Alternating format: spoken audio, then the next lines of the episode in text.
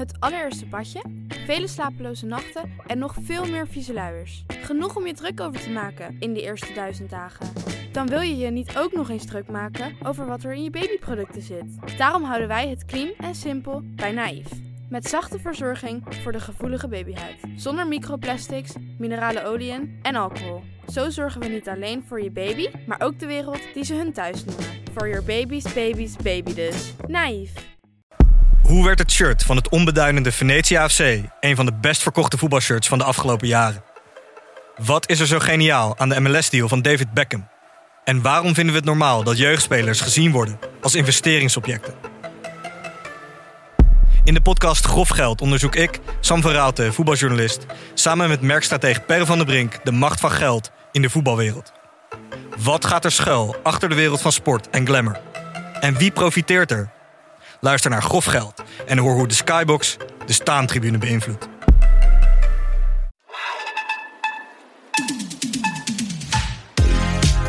Welkom bij VSR.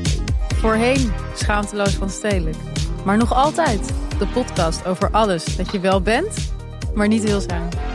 Mijn naam is Doortje Smithuizen. Tegenover mij zit Perre van der Brink.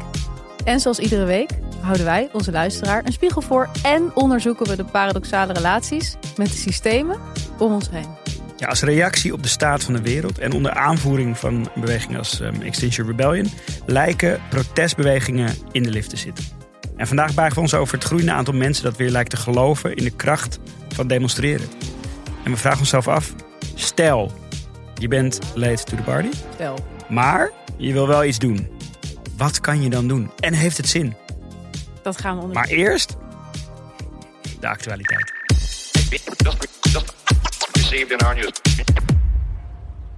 Heb ik ooit met zo'n glimlach de intro gedaan? Zelden tot de eerste nooit. keer. Ja, precies. ik, ik zag je genieten. Ik hoorde Ja. je genieten ook. Ja, de luisteraar heeft ook gehoord. Ik ben heel blij met onze nieuwe naam. Dus je hebt een kleine overwinning geboekt. Ik heb een overwinning geboekt, ja, zeker. Op de systemen om ons heen. Op mezelf. op een aantal mensen om mij heen. nee, ik ben, ik ben oprecht heel blij eh, met de nieuwe naam. Voorheen schaamteloos van stedelijk. Het moet nog wijzen of eh, de mensen Of het een goede zet was. om mij heen net zo blij ermee zullen zijn. Maar ik, eh, ik ben er heel content mee. Het is een enigszins onbegrijpelijke naam misschien. Het is een Rietveld-achtige naam. Dus, dat vind ik er juist zo leuk aan. Ja, je hebt op wel- Rietveld ook een richting die heet Voorheen audiovisueel. Precies, Ja. ja. En ik dacht eigenlijk, ja, we zijn ergens ook allemaal voorheen schaamteloos randstedelijk. En iedereen komt er in zijn leven wel eens achter dat hij een bepaald paradigma heeft gevolgd waar hij toch vanaf wil, Ja. vanaf moet misschien wel. En ik ben heel erg ervoor dat we weer meer ruimte gaan toelaten aan iedereen om van gedachten te veranderen. Ik heb het idee dat we ja, de laatste tijd zo gepolariseerd zijn geraakt, zo ons blind staren op Twitter meningen en ja, bepaalde brands of zo die ergens voor staan, dat je nooit meer kan zeggen, hey, ik sta hier eigenlijk niet meer achter, omdat je dan meteen een huigelaar bent of een Mhm. leugenaar. Of. Ja, dus eh, bij deze, En vandaag zijn we voorheen niet activistisch. we zijn ook voorheen niet activistisch. Ja, het is wel echt de, de meest clichématige eerste aflevering Ja. misschien binnen de. Breng het meteen de letterlijk in de, in, de, in de praktijk. Maar laten we er maar gewoon, eh, laten we er maar gewoon helemaal over gaan, toch? Als een, als een stelletje eh, mensen in een midlife crisis. Terug naar de volgende actualiteit. Kwam een beetje vroeg bij mij. Namelijk, The Guardian duidde dat de middle age, als, als, ja, zoals hij bekend staat, eigenlijk een beetje, een beetje dood is. Mhm. Dus de middle age begon vroeger bij 40. Het, het, het jaartal dat ik met rassenschreden aan Ik nader vind ben. het zo heerlijk hoe dit een soort thema Langs, is. ja, Ja. Het, komt, het Ja. blijft terugkomen. Maar wat, wat ehm, in dat artikel heel leuk ehm, is, is dat er een vergelijking gemaakt wordt eh, op seriegebied. En dat is de vergelijking tussen eh, de Golden Girls, serie uit de jaren 90, Mhm. in mijn herinnering over een stel bejaarden.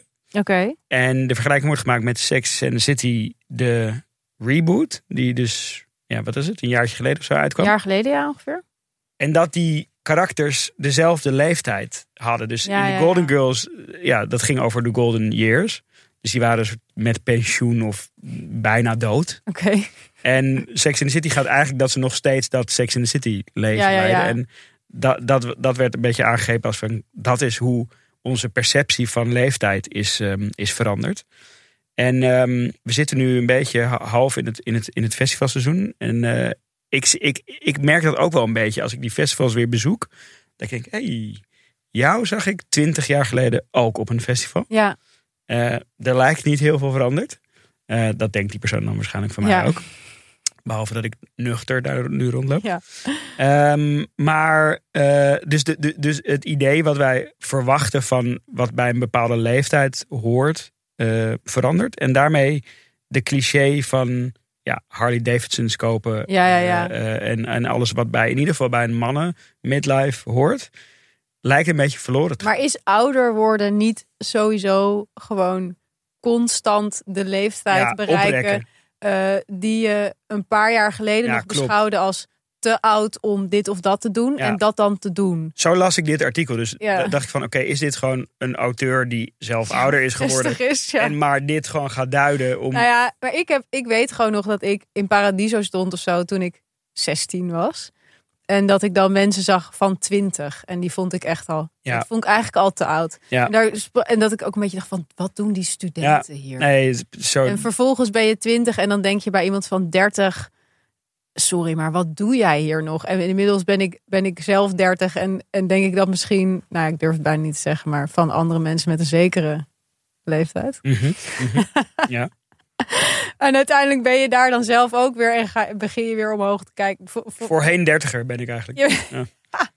Maar wat wel hier een, in defense van dit ding, Ja. of tegen, wat tegen dit ding ingaat, is dat het ook op TikTok een ding was. Dus dat de Gen Z-observatie ook was dat de millennial niet ouder lijkt te worden. Ja, ja, ja, je blijft voor eeuwig millennial. Ja. Maar, Ja, dus dat vond ik dan wel weer grappig. Want dat, dat gaat eigenlijk tegen dat ding in. Want je zou inderdaad, het is makkelijk om te zeggen van, ah ja, dat is gewoon iemand die ouder wordt, die dat dan opschrijft. Omdat Mhm. die persoon gewoon niet zelf ouder wil worden. Maar ehm, schijnbaar wordt die observatie ook gemaakt door mensen die niet in die leeftijdscategorie ja, ja, ja, ja. Eh, dus misschien zit er toch wel echt wel een kern van waarheid. Dus eh, jij kan nog in. wel even op die festivals eh, Ik denk het wel. door. Ja. Leuk. Op Axios las ik een stuk over iets waar wij echt heel erg aan mee hebben gedaan. Mhm. Ehm, over de media-obsessie met Succession. ja, ik vond dit heel grappig. Ja, dus waardoor het succes van die serie veel groter lijkt dan het, dan het in absolute aantallen eigenlijk was. Oké. Eh, dus eh, ze hebben een eh, analyse gemaakt over hoeveel media-aandacht heeft die serie gekregen. Ehm, en ze hebben ook de mm, nuance gelegd van, wordt die, komt dat aan? Dus Mhm. wat daaruit bleek was dat er zes keer zoveel artikelen over Succession verschenen zijn dan over een gemiddelde andere ja. kaskraker-serie. Mhm. Ehm, maar dat die veel minder goed worden gelezen. Dus het is een beetje een soort Ja, ja, ja. preaching to the choir. Ja. En het gaat natuurlijk, die serie gaat natuurlijk over een mediabedrijf. Dus het is heel leuk voor mensen in de media om, om die intriges en machtsspellen in een groot mediabedrijf te zien. En als je dan bijvoorbeeld naar kijkcijfers eh, gaat kijken, en dit, is dan, dit zijn US-cijfers wel. Maar eh, Succession zat in het laatste seizoen op 9 miljoen kijkers per aflevering. Echt helemaal niet zoveel. Niet, niet zo heel veel. Nee. Eh, dit is nogmaals wel Amerikaanse Ja, markt. ja, ja. Oké. Ehm, maar Last of Us zit bijvoorbeeld op 30 miljoen Ja. kijkers. Eh, dus dat is meer dan drie keer zoveel. ja. Eh, en toch in je, in je perceptie is dit echt de serie van het decennium, weet je? ja, heel grappig. Eigenlijk schrijven gewoon journalisten voor andere journalisten over Precies. fictieve journalisten. Precies. Zeer Ja. meta. Ja. Zeer meta en zeer mediadynamiek. Heel interessant. En laatste Ja, actualiteit. je hebt een weer een mooi bruggetje hier staan Ja. in het draaiboek. Ja, Speaking, of, mediadynamiek. Ja, dit vond ik fascinerend, want Ik vind eigenlijk dat jij een beste podcast award moet krijgen voor beste Bruggetjes. bruggetjes. Ja. Ja. Ja. En beste editorials. nou, het zou leuk zijn. Dit weekend verscheen op Follow the Money een artikel over Patagonia. Een Mhm. unpopular opinion over Patagonia. vond Eh, heel- Patagonia ja. hebben wij jaren geleden met z'n allen in ons hart gesloten als het schoolvoorbeeld van hoe in deze tijd een commercieel bedrijf zou moeten opereren. Toch? Ja, Eh, en in deze podcast ook als zodanig ja. genoemd. Ja, en in iedere soort, soort advertising presentatie worden zij altijd als het lichtende voorbeeld van een missiegedreven merk aangehaald. Maar Follow the Money publiceerde dit weekend dus een stuk over de supply chain van Patagonia. Eh, waarin ze een eh, fabriek hebben bezocht op Sri Lanka. Ehm, dezelfde fabriek waar Primark zijn spullen eh, ontwikkelt. En waar nog meer ehm, merken die zeer discutabele duurzaamheidsrankings hebben qua productie. eh, ook produceren. En ja, ik kwam er dus achter dat, dat, dat ehm, in die fabriek eh, het personeel 25% van een leefbaar loon op Sri Lanka ontvangt. Mhm. Eh, dat ze extreem worden geïntimideerd ehm, door de leiding van, het, eh, van die fabriek. Ja, En- gewoon een classic verhaal over eh, arbeidsomstandigheden van een Basically. werk. Ja. Ze reageerden ook best wel laconiek op, vind ik. Dus ze zeggen van ja, we hebben niet echt zeggenschap over hoeveel textielwerkers worden betaald. Omdat ze op geen enkele manier de werkgever van die werknemers zijn. Patagonia niet. Ja, dit is, dit is de PR-reactie van Patagonia. En wat mij opviel was dat dat stuk niet... Nou, misschien lag het ook omdat het weekend was. Of het is mijn eigen selectieve perceptie. Weekend is juist altijd een heel goed moment om dingen te brengen. Ja, nou, ik, ik, ik, ik, eh, ik had niet het gevoel dat het Nee. enorm gedeeld werd. Of dat het aandacht kreeg. Of, of, eh, we, we kregen het van een paar luisteraars ook in de DM. Maar Mhm. In, in andere media heeft het niet heel veel... En dit is puur van follow the money, dit onderzoek. Ja. Ja, wel interessant. Ja, dus eh, en, en, eh, en één passage uit dat artikel. Tenminste twee derde van de fabrieken die Patagonia kleding maken... eh, werkt ook voor kledingmerken die volgens de consumentenwebsite Good On You... Hun, hun duurzaamheidsbeleid niet of nauwelijks op orde hebben. En Patagonia zelf wordt door Good On You aangeprezen als een duurzaam merk. Ja, Dat legt meteen die soort blinde vlek. Wij hebben dan met z'n allen bestem, ge- ge- gezegd... dit is een topvoorbeeld. ja. Eh, en dan zien, we, dan zien we het dus niet meer. ja, misschien is het ook gewoon bijna een soort moeheid dat mensen denken: neem ons dit niet ook nog af. Ja, We hadden kan dan dat niks ene, meer goed dat zijn. ene voorbeeld Ja. van dat het wel kon. En als dat er ook Ja. niet meer is, dan gaan we een soort void zijn alle in. hoop verloren. Ja, dan, dan, Voorheen optimistisch. dan kunnen we helemaal geen kleren meer aan. ja. Kan ook Ja, niet nou, laten we hopen dat eh, eh, Patagonia de, de boel eh, herziet en betere Ik arbeidsomstandigheden. ben wel benieuwd of dit artikel nog veel navolging gaat krijgen, eerlijk gezegd. Ja, en sowieso shout-out, follow the money. Ja, zij doen Fantastisch platform. heel goed onderzoeksjournalistiek werk. Voel free, met alle lacto-free. Zonder lactose, dus je weet ik geniet. Lacto-free. Arla, Arla, lacto-free. Over onderzoeksjournalistiek gesproken, Doortje. Ja, Wanneer gebruik jij crème fraîche? De hele fucking tijd. Crème fraîche is een beetje als activisme. Er kan niet genoeg van zijn. Ja, het is ook met dit weer. Ja. Een en al crème fraîche bij mij thuis. En als je dan even geen zin hebt in lactose of in zuivel... Ja. Dan is er dus Arla met lactosevrije crème fraîche. ja, want niet iedereen kan even goed tegen lactose. Steeds meer mensen komen erachter dat ze een vorm van lactose-intolerantie hebben. De komende aflevering gaan we jou daarom producten van Arla aanraden en je vertellen wat je daarmee kan maken. Ja, en wat je er onder andere mee kan maken is, is iets wat ik afgelopen week heb geprobeerd. Ik, ik moet zeggen, in eerste instantie dacht ik van... hoezo met dit weer pompoensoep met chili? Ja, is wel gewaagd. Gewaagde keuze. Maar eh, mijn vriendin zei, hoezo niet? Nou, heel goed argument. enough, dacht ja. ik. Ja. Crème fraîche, lactosevrij, van Arla erin. Ik eh, had niks meer te klagen. 10 out of 10. Ja. Heb jij ook zoiets van, met dit weer pompoensoep, waarom niet? Probeer dan nu Arla Lacto Free crème fraîche voor maar 1 euro via de link in de beschrijving. En heb je inspiratie nodig wat je allemaal kan doen met die crème fraîche? In de beschrijving vind je ook een link naar het recept voor die pompoensoep en naar nog veel meer andere recepten met Arla Lacto Free.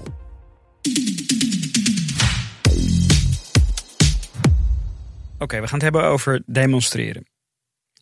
Volgens mij, een paar jaar geleden, een beetje in de, in de COVID-tijd, was voor mijn gevoel althans. eh, eh, je had natuurlijk Black Lives Matter was een interessant moment, omdat dat een protestbeweging was die midden in een pandemie mensen Mhm. op straat probeerde te brengen. Dat was vrij lastig. Ehm, en toen had ik het gevoel dat er ook een beetje zo'n soort duiding kwam van nee, protest vindt niet meer op straat plaats. Het is gewoon op social. Dat ja, is dat was ook oké het als. idee. Ja. Toch? Dat was eventjes een soort narratief. Dat we allemaal een zwart vierkant gingen delen en dat was Dat het dat oké was. Ja. Ehm, volgens mij zijn we daar weer helemaal Mhm. van afgestapt. Eh, eh, ik, het- we lijken een soort toename van, van fysiek protest weer te zien. Ik zie dit ook best wel om mij heen. Dat ik mensen van wie je dan ja, in eerste instantie niet zou verwachten eh, ineens eh, eh, bij Extinction Rebellion of bij andere protesten ehm, eh, vooraan ziet staan. Nou, ik denk dat Carice van Hout is daar natuurlijk Ja. het meest recente en bekendste voorbeeld van. En ik ook binnenkort. En Ja, Dortje de Middenhuizen met zonnebril op Ja. bij Tata Steel. Ik zit hier ook in met mijn zonnebril op in de podcast. Precies. En daar waren we dus benieuwd van, oké, wat is activisme dan vandaag de dag? En hoe kunnen dummies, zoals wij, daarin meedoen, ja, zonder onszelf een beetje als een kakker op een grunge-concert te voelen? Hoewel ik me wel, ik heb eigenlijk wel heel veel zin om me een kakker op een grunge concert Ja? te voelen. Eigenlijk, eigenlijk voel ik me altijd een kakker op een grunge concert. Is dat jouw manier. vibe, jouw moed? Misschien wel. Kakker op grunge-concert, Ja. core. Ja, dat is mijn core. Maar dat willen we dus eigenlijk deze aflevering gaan onderzoeken. Onder, onderzoeken. En we gaan eh, een soort, eh, inderdaad, een soort demonstreren voor dummies. We gaan later jouw buurvrouw inbellen. Die Ja. organiseert informatieavonden over Extinction Rebellion. En dan gaan we eigenlijk de vragen die ik heb als eh, zeer beginnend demonstrant gaan we aan haar stellen. Zodat de luisteraar ook ja, meteen, mocht je nou nog, eh, ja, zoals ik ook lang eh, heb gedacht van ik wil eigenlijk wel demonstreren, maar ik weet niet zo goed hoe, ik weet niet waar ik moet beginnen, et cetera. Dat gaan we met haar bespreken. En dan heb je meteen net iets meer grip op de zaak. Hou vast. Ja. Laten we beginnen met onze eigen demonstratie ehm, LinkedIn. Ja, leuk. nou ja, ik, ik moet eerlijk zeggen, ik heb niet superveel gedemonstreerd in mijn leven tot nu toe. Ik heb wel eens meegelopen in klimaatmarsen. Ja. Ook één keer zo toen het echt keihard regende, weet ik nog. Toen ben ik toch gegaan. Wat, wat is het probleem hier? Ja, ja dat zou Thierry Baudet dan ook Ja. zeggen, inderdaad. Die women's marches heb ik natuurlijk ook meegedaan. Ja. Maar dat was dan ook vaak niet echt, heel, eerlijk- heel eerlijk gezegd, mijn eigen idee. Ik had dan vaak veel vrienden die dan aan. gingen en dan haakte ik aan. Ik ben een keer in mijn eentje naar een demonstratie gegaan. Dat was het woonprotest. En daar voelde ik eigenlijk wel voor het eerst wat zo'n demonstratie ook met je kan doen. Grappig, Want- want volgens mij was dat ook de tijd dat jij een woning zocht. Toch? Ja, klopt. Ja. Dus dat was, Heel ik was relevant. ineens ben je dan namelijk niet meer alleen met je issue Ja. en met je ongenoegen. En voel je, voel je, oh, er zijn heel veel mensen die hiermee zitten. En ja, dat, dat, dat maakt voor mij eigenlijk de, de, de waarde van, van demonstratie en van samenkomen rond bepaalde issues Mhm. ook ineens heel duidelijk. Nou, nu twijfel ik dus al maanden of ik niet toch een keer mee moet doen met Extinction Rebellion. En ik heb dus onlangs besloten om dat toch wel een keer te gaan doen. Namelijk eh, de komende demonstratie bij Tata Steel. Een goede, goede beginner. Ja, ik vond het ook wel meteen een lekkere... Lekker dramatische Ja. eerste ja, debuut. precies. Ik denk dat mijn aarzeling om tot nu toe dus nog niet mee te doen met Extinction Rebellion een soort van tweeledig was.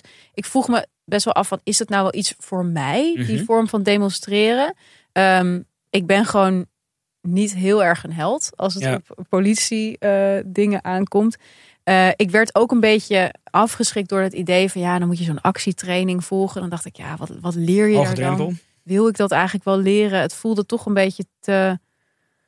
Ja, dat ik dacht, is dat niet te militant voor mij? Ja. Ga ik daar niet enorm nat of zo? En Ga ik niet meteen huilen? Denk ik dan eigenlijk meteen. Mhm. Allemaal hele eh, normale vragen. Normale angsten. Ja. En ik heb ergens ook, en ik ben dus heel benieuwd of, of luisteraars dit ook hebben, want ik denk tegelijkertijd ook dat dat echt onzin is. Maar dat ik ergens denk, ben ik wel welkom op zo'n demonstratie? Dus ben ergens bang dat ik niet woke genoeg ben om zeg maar mee te mogen doen met Extinction Rebellion. Right to say. Ja. En dat, en dat is natuurlijk ook, hè, dat zag je inderdaad, jij noemde haar al, ehm Carice van Houten. Zij krijgt dan natuurlijk op het moment dat zij zich publiekelijk aansluit bij zo'n Extinction Rebellion ook heel veel dat verwijt. Van, ja, maar jij hebt ook eh, de hele wereld rondgevlogen Ja. voor Game of Thrones en Ja. weet ik veel. Ehm, Vond jij dat zij in de media daar veel kritiek op kreeg? Ik vond dat Nou, het persoonlijk wel meevallen. Nou, ik heb het meer omdat ze dus ook, ze deelt ook al die DM's, weet je wel, die ze krijgt Oké. van mensen die dus haar heel hypocriet vinden. oh ja. Daar, was dat, daar was dat wel echt het overheersende idee. ja. Ehm, maar ik vind juist dat ze dat heel goed adresseert in de media. Ze zegt, ja ik, ik, ik, ja, ik heb lang meegedaan aan die systemen en ik doe dat ook nog steeds. Maar ja, dat is precies waar deze podcast over gaat. Je hebt Mhm. geen keus. En binnen dat kapitalistische systeem ben je altijd hypocriet op het moment dat je dat ook gaat bekritiseren. Ja. En ik vind het daarom juist ook heel vet dat zij juist in een Gucci-trui en met een zonnebril op daar gaat staan. Dat, je, Mhm. dat ze ook laat zien, je kan ook helemaal als de persoon die je bent, je hierbij aansluiten. En even goed heel oprecht zijn in je zorgen. bijna alsof ze zich als een soort karikatuur opoffert voor dat ding of zo, weet je? Ja, maar ik vind het dus eigenlijk geen karikatuur. Ik vind het dus juist omdat ze ervoor kiest om eh, bijna in een soort kapitalistische look of zo daar te gaan staan, vind ik haar juist heel menselijk. Jawel, maar, ja, nee, maar, maar dat is natuurlijk een uitvergroot. Dat is, daar is wel bewust Ja. over nagedacht, toch? Van, van je, had, je kan ook niet de zonnebril opdoen of de Ja, sure. Maar ik, ik vind dus juist heel menselijk, want ik zou mezelf eigenlijk ook een karikatuur vinden eh, als ik op de A12 zou staan. De kakker op het grunge-concert. Ja, Ja. ja. Ja, Ehm, ik, heb, ik herken letterlijk al deze dingen. Nou ja, en, maar ik denk dus inmiddels, daarom vind ik het leuk om het er met jou over te hebben. Want ik denk nu dus toch, ik, ja, ik ga gewoon toch naar die protesten. Want het is altijd beter dan niets doen. En volgens mij is het toch ook nooit te laat om je te realiseren. Ik denk ergens, ik heb ook een tijdje gedacht, ja, ik ben te laat. Als ik het nu nog doe, is het gênant of zo? Terwijl ik nu denk, hoe leem is dat argument? ja, dat Weet is je echt zo'n dom argument Ja. om iets niet te doen. Nee, daarom. Dus nu denk ik, ik ga dit allemaal laten. Oh, ik dit- ontwikkel me, help. Ja. ja. Nee, ik, ja, goed. Dit, dit, dit, misschien zeg ik het ook allemaal tegen mezelf. Want ik ben dus ook totaal niet. eh, ik heb geen rijk demonstratiepalmares. Ik ben als baby wel mee geweest naar het grootste kernwapenprotest. In Nederland althans ooit. Vet, als Eh, baby. of een van de grootste Nederlandse demonstraties, geloof ik. Half super, miljoen mensen. super hard gehaald. Ja. Kijk, we hebben het ook in, in de live show gehad over dat mijn persoonlijke tone of voice vaak wat optimistischer en wat positiever of zo Mhm. is. Dan de mijne bedoel je? Ja. Ja. Ehm, dat, dat ik me daar comfortabeler in voel. En dat ik Mhm. daarom misschien me niet zo snel bij zo'n eh, collectief zou aansluiten.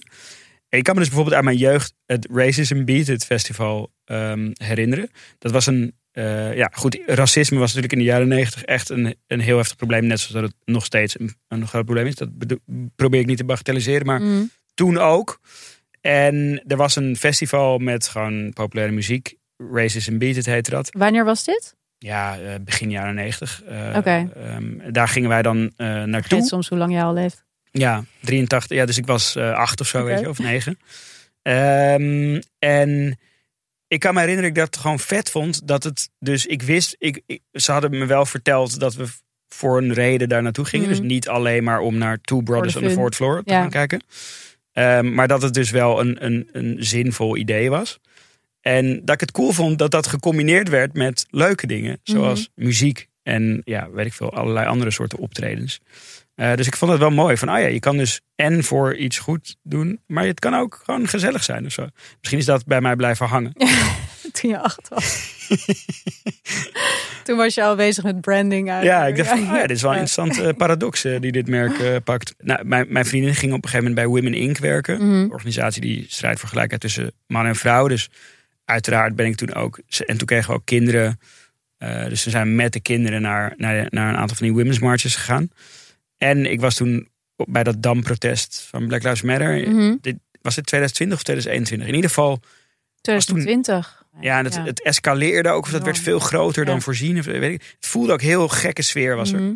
Ehm, maar het voelde dus wel belangrijk genoeg van, ja, fuck it, dan maar corona. Mhm. Eh, ehm, ook toen, eh, volgens mij toen ook met de kinderen naartoe gegaan. Heel woke, ja. Eh, maar ja, verder mm, niet heel veel Nee. gedemonstreerd in mijn leven. Nou ja, en het is ook de vraag, eh, denk ik, die, die ik mezelf wel eens stel. Is, helpt het nou, weet je wel, dat Mhm. demonstreren? En dat ben ik nu dus toch voor deze aflevering eens even echt ingedoken. En er is best wel veel onderzoek naar gedaan, naar dat effect van demonstraties. Al is het natuurlijk ook best wel lastig te meten. Want hoe weet je nou Ja. of precies door die ene demonstratie mensen van mening Ja. zijn veranderd of beleid is aangepast? Ja, Maar ze hebben in Engeland best wel leuk onderzoek eh, kunnen doen ehm, naar demonstraties van de Tea Party. Omdat Mhm. Engeland eh, best wel een groot land is met heel onvoorspelbaar weer. Dus er waren dan Ja, ja, demonstratiedagen van die eh, Tea Party aangekondigd. Maar op sommige plekken regende het en op andere plekken niet. Waardoor dus op de ene plek veel meer mensen mee gingen lopen met die allemaal van demonstratie. die racism beat bezoekers zoals ik. Zeg. Ja, precies.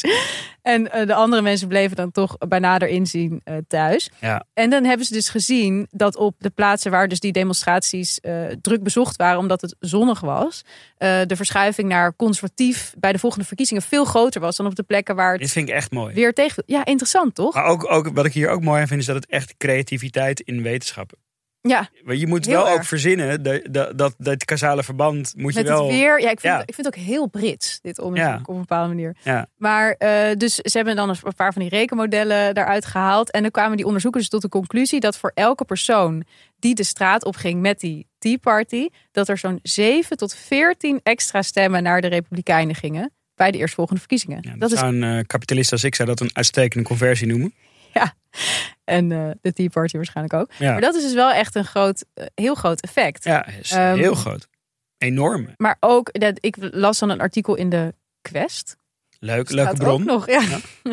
Eh, en daar beschreven die hoogleraren en zo die aan het woord kwamen, die beschreven ook van ja, ook als je niet direct dit soort effect ziet in aantal stemmen en zo, heeft demonstreren vaak wel effect, Tuurlijk. omdat het ook heel erg gaat om het zichtbaar maken van het Ja. probleem. Dus eh, er was dan een eh, hoogleraar en die zeiden van ja, sociale verandering begint eigenlijk altijd met bewustzijn. Ja. Zonder bewustzijn gaat niemand die stap Nee. naar verandering maken. Eh, en een van de beste manieren om mensen bewust te maken van een bepaald probleem is zorgen dat de media erover gaat publiceren. Ja. Want dan bereik je natuurlijk in één klap veel meer mensen. En een goede manier om dat te bereiken is natuurlijk te demonstreren. En dat is ja, va- vaak weten mensen ook gewoon niet over bepaalde issues of bepaalde problemen of bepaalde ja, zorgen in de samenleving. Totdat ze het op het nieuws zien of erover lezen in de krant. En dat is dan ook het doel van heel veel demonstraties gewoon. Ja, gewoon puur awareness. Dus eigenlijk campagne voeren. En misschien denken we als het gaat om het effect van demonstraties ook te direct of zo. Dus dat we zeggen van ja, eh, we hebben met Extinction Rebellion eh, op het vliegveld gestaan, maar die privéjets stijgen nog steeds elke Mhm. dag op. Eh, Mhm. Dat we, dat we toch denken van het moet meteen renderen. En Ja. als dat niet zo is, dan zien we dat als een soort van argument van zie je wel, het werkt Het niet. werkt niet. Ja. Eh, terwijl je dus ook juist kan kijken van hoe verandert het bewustzijn en hoe verandert het beleid of zo. En dat was ook een interessant voorbeeld waar ik over las eh, van dus die Occupy-beweging. Ja. Dacht ik ook, jeetje, dat is ook alweer lang geleden of zo. Mhm. Mhm. Dat ze hier ook bij de beurs van Berlage Ja. zaten, die lui. Met die ehm. En daarvan zeiden heel veel mensen en ook veel journalisten destijds van ja, wat, wat, wat hebben we hier aan? Wat is het effect hiervan met die mensen die hier maar zitten en roepen dat ze de 99% zijn? Ja. Maar als je dat dus uitzoomt en gaat kijken naar eh beleidsstukken bijvoorbeeld, dan zie je dat het woord ongelijkheid eh, in landen waar die Occupy-beweging gezeten heeft, enorm is toegenomen. Dus dat er veel meer Ja. over ongelijkheid wordt geschreven in de media en in beleidsstukken sinds mensen dus, nou bijvoorbeeld bij de beurs van Berlage of bij Wall Street zijn gaan zitten eh, met die boodschap. Dus succes van demonstreren is eigenlijk niet heel goed te meten en kan op allerlei manieren worden geboekt.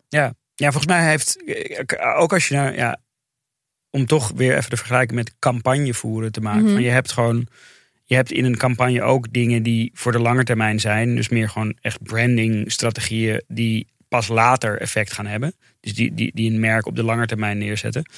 En je hebt ja, conversiegedreven dingen. Dus die je meteen moeten overhalen om iets te kopen of weet ik wat. En dat Ja. zit volgens mij ook heel erg in protestbewegingen. Branding is, eh, heeft sowieso een hele belangrijke rol. Ik denk dat Occupy daar ook een heel goed voorbeeld van is. Zij hadden natuurlijk die, die maskers die we later in die... ehm, hoe heet die Spaanse serie nou? Casa Oh, de ja, ja. Papel eh, heeft hij later eh, geadopteerd. Een hele slechte serie. Maar ehm, die maskers gaven natuurlijk ha- hadden een soort heel herkenbaar element van die eh, eh, beweging. En ook als je naar Extinction Rebellion kijkt, die hebben best wel goede ehm, eh, ja, branding. Sowieso Mhm. ziet die, die, die huisstijl er gewoon goed uit. Maar ik heb ook eventjes ehm, eh, een beetje die, die, die, die site van Extinction Rebellion doorgenomen. En dat zit gewoon echt goed in elkaar. Dus gewoon echt door mensen die verstand hebben van branding over nagedacht. Zit Mhm. gewoon een heel sterk manifest, gewoon een hele duidelijke missie en visie. Ehm, en het is eh, ook visueel aantrekkelijk genoeg om je bij aan te sluiten. Ze maken ook gebruik van choreografie als, als, als, als brandingstrategie, toch? Van op een gegeven moment dat je die die-ins, dat mensen Ja, ja, ja. gewoon in, in, op een hele overdreven theatrale manier gingen liggen op plekken. Eh, ook dat is, is, is branding of zo. Weet je? Mhm. Dat zijn allemaal van die visuele cues die het, die het herkenbaar en, en ook vooral gedenkwaardig maken in je, in je, in je hersens. Ja, zeker. En dat is ook het idee eh, waarom onder andere die boerenprotesten in Nederland zo Exact. aangeslagen. Omdat zij met die tractors en die omgedraaide vlaggen hele Allebei hele sterke- symbolen. en sterke mensen symbolen. houden toch van een soort makkelijk herkenbare tekenen Ja. waar ze zich achter kunnen scharen. Maar als je bijvoorbeeld kijkt naar die boerendemonstraties, dat waren natuurlijk wel ook best wel nou, ik zou niet zeggen gewelddadig, maar daar zat wel een element van geweld in of Ja, zo. het was intimiderend. Ja, zo. intimiderend. En eh, zo'n Extinction Rebellion heeft natuurlijk als eh, uitgangspunt burgerlijke ongehoorzaamheid, maar distancieert zich heel erg van elke vorm van geweld. Ja. Dus ik heb ook een beetje onderzoek gedaan naar wat werkt nou beter, zeg maar, om wel of geen geweld te gebruiken. Mhm. Ga ik zoiets over vertellen, maar eerst wilde jij nog iets vertellen over Coco en Sisi?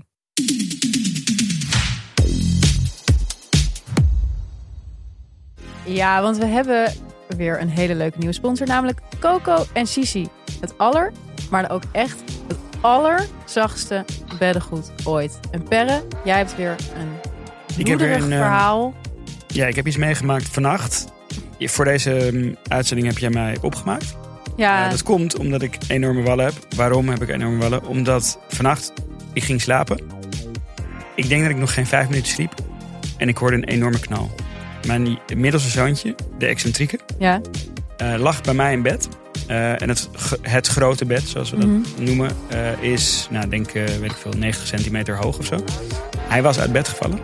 En hij was daarbij heel ongelukkig op zijn kin terechtgekomen op een elektriciteitsdraad. En zijn kin lag open. Dus ehm, ik naar het ziekenhuis, kin dichtgelijmd. Was best wel, eerlijk gezegd, best wel een leuk avontuur. Maar we waren wel om twee uur s'nachts terug. Dat is laat. En toen eh, lag daar een volledig bebloed Coco en Sisi eh, eh, ja, dekbed overtrekken Ja. en laken. Toen dacht ik van ja, ga ik hier nou op blijven staan? Dat ging dan net iets ver. Maar dat voelde, omdat ik inmiddels zo gewend ben aan die zachtheid van dat dekbed... echt als een nederlaag dat ik hem moest vervangen. Ja. Jij zat eigenlijk gewoon in die ambulance en zo. Zat je eigenlijk al de hele tijd te denken, Ik denk, dit is... zo zonde van dat Wat, hoe ga ik dat zo doen? Ja, verschrikkelijk. Ik, ik dacht, ehm, hoe ga ik dat zo doen? Want het is ook nog eens fucking warm. Dat dekbed is heel cool, juist in deze tijden. Ja, paniek. Ja, totale paniek. Als je nu nog niet overtuigd bent van de waarde van een Coco en Shishi dekbed, dan hebben we nog een laatste troef. We kunnen je namelijk een hele lekkere korting geven. Met de kortingscode Schaamteloos krijg je 25% korting op de hele collectie van Coco en Shishi. Ga daarvoor naar coco-shishi.com en dat is dus allemaal met een C. En de link vind je ook in onze show notes.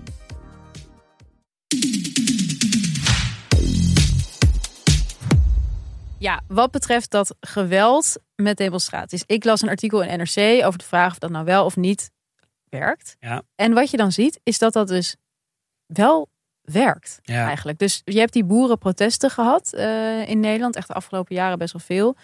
En daar is natuurlijk van alles gebeurd waarvan ik in elk geval dacht van nou dat gaat eigenlijk, dit is geen demonstreren meer, Mhm. dit is gewoon intimideren. Weet je wel, bij een minister voor de deur gaan staan, eh, een gierwagen ergens Ja, eh, omkeren, dumpen. Met een trekker eh, een provinciehuis inrijden. Weet je, dat je denkt, En Ja. ga- zit dat dan nog in de categorie het dat het werkt? nou ja, dat lijkt dus wel te werken. Want ze hebben dus onderzocht. eh, Je ziet gewoon dat dat stikstofbeleid. Dat is al heel vaak van gezegd van nee, dit is echt hoe het is, jongens. Dit gaat niet veranderen. En dan komt er dus weer zo'n golf van protesten. En dan blijkt alles weer vloeibaarder dan gedacht. Terwijl als je kijkt naar het effect van bijvoorbeeld. eh, Een die-in. Nou ja, of de leraren die bijvoorbeeld met een hele grote groep gaan demonstreren op het Malieveld. Omdat ze gewoon een betere CAO Ja. willen. En terecht. Eh, dan zegt Rutte zoiets van, ja, we gaan er naar kijken of zo. Weet je wel? Ja. En dan gebeurt er eigenlijk uiteindelijk niks. Dus je ziet wel dat dat geweld, ja, dat het toch iets doet. Ook omdat natuurlijk iedereen het er vervolgens enorm over heeft. Het, het zet, ze zetten zichzelf gewoon heel erg op de kaart met dat intimiderende gedrag ook. Ja. Maar het gaat dan dus wel om een beetje geweld gebruiken en ook om soort van selectief geweld gebruiken of zo. Ja, dus eigenlijk zeggen we een beetje geweld kan dus het doel van je demonstratie ten goede komen. Mhm. Heb, je, he- heb jij wel eens in een menigte eh, gestaan waar een soort geweld was? Waar de sfeer echt extreem grimmig was? Ik ben een keer per ongeluk in een rel terechtgekomen. Oké. Ehm, het was echt gewoon een keer op Ko- Koninginnedag 2001 of zo. Ja. Toen waren er eh, de treinen reden niet goed of zo. Oh, ja. dit, had dus, dit was dus niet een demonstratie, maar het was gewoon een rel waar ik onbedoeld in terecht kwam. Mhm. Ja, ik vond dat wel echt zo heftig. Naar. Ja, ik kreeg zo'n traangasbom die vlak bij mij viel. En gewoon het, het, de energie van, van dat, daar, daar, daar, daar- voelde ik zoveel aversie bij. Dat ik ook denk van, jezus, ja, misschien loont een beetje geweld bij een demonstratie. Maar het is fucking naar. Ja, het is naar. Maar goed, als je er heel erg in gelooft, dan laat het natuurlijk ook wel enorm je motivatie zien of zo. Ja, ja misschien wel. En het Ja. is wel, kijk, het is natuurlijk ook de vraag van voor, voor wie of wat demonstreer je? Weet je wel? Het is Ja, demonstreer, je demonstreert denk ik ook altijd ergens voor jezelf. Dat was, ik, ik las een interessante column van Beatrice de Graaf. Dat mensen zijn dus de afgelopen jaren in Nederland veel meer gaan demonstreren dan, ja, zeg maar, twintig jaar geleden of zo. mhm. Maar je ziet wel, als het, eh, als het gaat om de issues waarvoor ze demonstreren, gaat het veel meer over hun directe leefomgeving. Dus zeg maar. eh, jij op het woonprotest. ik kom wat woonprotest voor. Nou ja, serieus. Maar dus ook bijvoorbeeld dat eh, in de jaren zestig stonden mensen gewoon in hele grote getalen op het museumplein tegen de oorlog in Vietnam. Ja, Of in de, in de jaren tachtig had je hele grote demonstraties in Amsterdam en Den Haag tegen kernwapens. Ja. Weet je? Of mensen demonstreerden ook eh, dan bijvoorbeeld, nou, dat was dan net na de eeuwwisseling in 2004, waren er iets van 300.000 mensen of zo die dan eh, tegen het kabinet Balkenende protesteerden. Maar meer met zo'n idee van soort van tegen het neoliberalisme of zo. Dat was eigenlijk zo'n weinig concreet issue waar dan tegen werd gedemonstreerd. Maar waar mensen dus kennelijk wel voor op de been kwamen. En zij zegt eigenlijk van ja, nu demonstreren mensen veel meer voor issues die dus veel meer met hen zelf te maken hebben. En dat ze dan gewoon één keer ook meelopen in een demonstratie, maar vervolgens eigenlijk niet zoveel eraan doen. Dus activisme beperkt zich, zegt zij dus een beetje, tot eh, ja, er is zoiets als een woonprotest of zo. En dat heeft invloed op jouw leven. Dan ga je één keer op zo'n demonstratie staan. Dan heb je het gevoel dat je er iets aan gedaan hebt. En vervolgens ga je weer door met je leven. Maar het echte activisme begint misschien eigenlijk pas daarna. ja, Dus wat, wat ga je er echt aan doen? ja. Ja, maar dit is wel ook... Want ik las dus een eh, artikel op The Guardian. En Dat eigenlijk, eigenlijk was een, een klassieke BuzzFeed-achtige listicle. Mhm. eh, dat opzomde... Ja, wat zijn nou eigenlijk de acht, de acht redenen waarom mensen niet gaan demonstreren? Want Mhm. ter voorbereiding van deze aflevering hadden we het natuurlijk heel veel van waarom zou je wel gaan demonstreren? Ik dacht, ja, het is ook wel grappig om te kijken van waarom, Waarom ga zou je het niet? doen? Ja. En dat eh, beantwoordt dit artikel dus. En daar zitten eigenlijk allemaal dit soort herkenbare eh, dingen in. Want eh, als, je- als ik je dit hoor zeggen, dan denk ik ook wel over wat wij ook vaker in deze podcast zeggen van de, het sterkste van het kapitalisme of het sterkste van het systeem is ook geloof, je laat geloven dat er geen alternatief is. Ja. Dus dat jouw eenmalige demonstratie zinloos Niks is doet. of zo. Ja. Eh, terwijl aan de andere kant, wat je, wat je met Occupy ehm, eh, als voorbeeld eh, gaf, dat er wel degelijk allemaal beleid is aangepast naar Ja, van die zeker. protesten. Maar ik ben het daarom ook eigenlijk niet zo eens met wat Beatrice de Graaf schrijft in die column, moet ik eerlijk zeggen. Nee, en dat, dat staat ook in die, in die redenen. Dat zijn, nou, één, I'm not sure I want to join. Ik heb, ik heb niets te bieden. Het is te Mhm. veel werk. Ik ken niemand daar. Dit vond ik, Ja. vond ik wel echt grappig. ik, ik, ik vind die- die en die persoon, die misschien het gezicht van deze beweging is, kut. Ik ben niet zoals de andere mensen in de groep. Die was voor mij persoonlijk extreem herkenbaar. Misschien wel de reden om niet mee te doen. Ja, En tevens, de andere mensen in de groep vinden mij wellicht hypocriet. Ja. Ik wil geen wandelend messias complex zijn. ja. Ik vond ze allemaal herkenbaar, met name die van ik her, eh, hebben, wat denken die andere mensen in de groep van mij? Zien die mij niet als een soort van hypocriete lul die ook een keertje eh, voor de socials eh mee. ja, maar daarvan denk ik nu dus echt, fuck dat. Ja. Wat maakt het uit? Zeg maar, als het gaat om het klimaat, als het gaat om issues waar je echt om geeft, of inderdaad om een woonprotest. Mensen die dan niet naar zo'n woonprotest gaan, dat ze zeggen van ja, maar ik ben huiseigenaar, weet je wel. Ja. Als jij, dan laat je dus je ego prevaleren boven de issues die nu op het spel staan. Ja. En daarvan denk ik nu echt, daar moeten we echt mee stoppen. Daar moeten we meteen mee afrekenen. Want dat is echt de domste reden om het niet te doen. En eerlijk gezegd, als ik naar deze redenen kijk, doen ze me vooral denken aan het lijstje dat ik afwerk als ik zeg maar op een donderdagavond uitgenodigd ben voor een opening en eigenlijk geen zin heb. en dan ga ik ook heel vaak wel.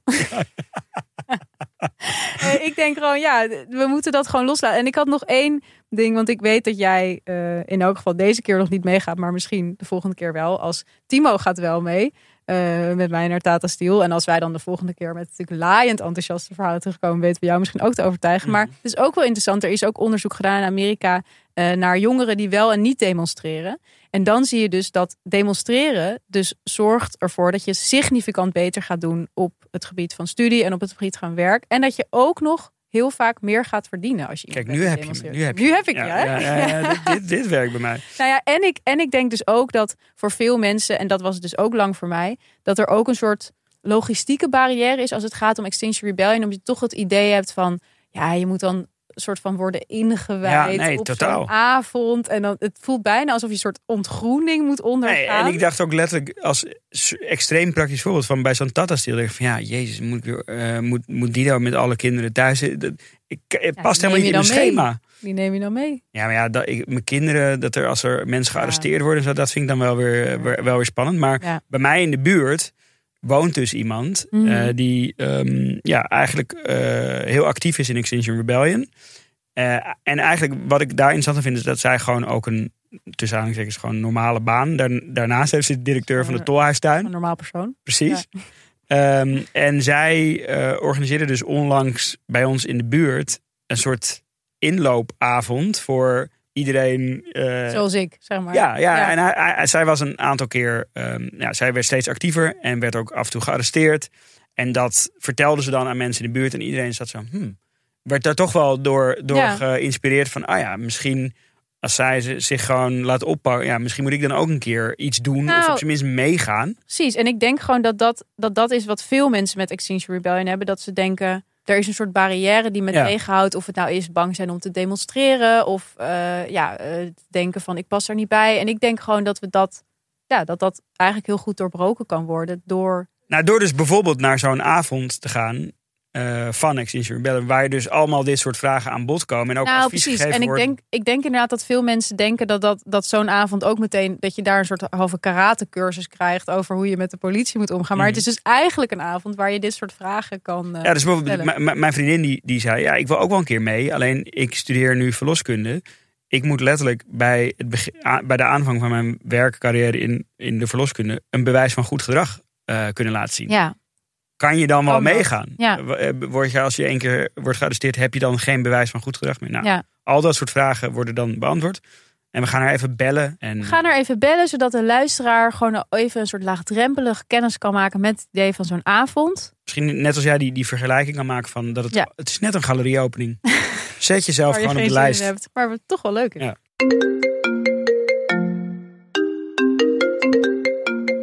Matthea, mijn buurvrouw, Hoi. Actief in Extinction Rebellion. En organisator van, ja, hoe moet ik het noemen, Matthea? Inloopavonden, ehm, Nee, introductieavonden. joh, ik, heb, nee, ik heb één keer een avond georganiseerd. Maar ik Oh. dacht wel, dit is echt goed.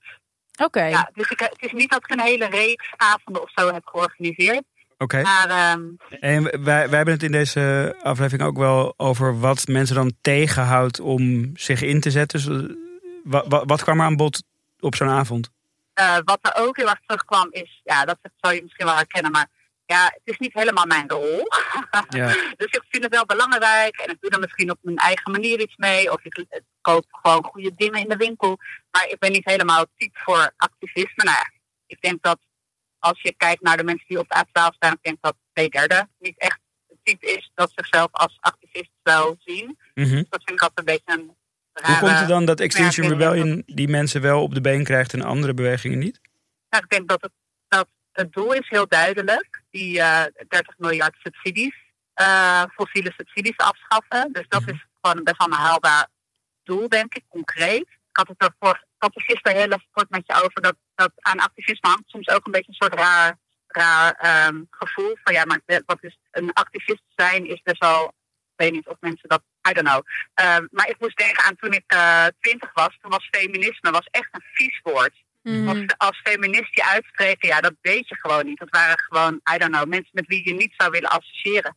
En nou ja, gelukkig de afgelopen jaren, ook sinds Beyoncé daar natuurlijk zich ook over heeft uitgesproken. En nou ja, feminisme is gewoon iets cools en iets ook om trots op te zijn. En ik denk dat we daar ook naartoe moeten met activisme. Activisme is Ja. ook echt iets om trots op te zijn.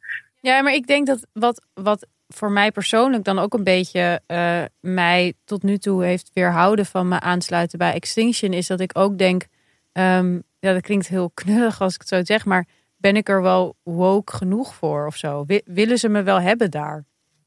Ja, ja, dat willen we. Kom gewoon meedoen. Ja. Maar snap je Ja, wat ik nou, bedoel? dat- ja, zeker. En ik denk dat eh, iemand die dat denk ik nu heel duidelijk ook zegt, is Carice van Houten. Ja. Dus er ook sinds een paar maanden gewoon heel erg actief mee bezig gaan.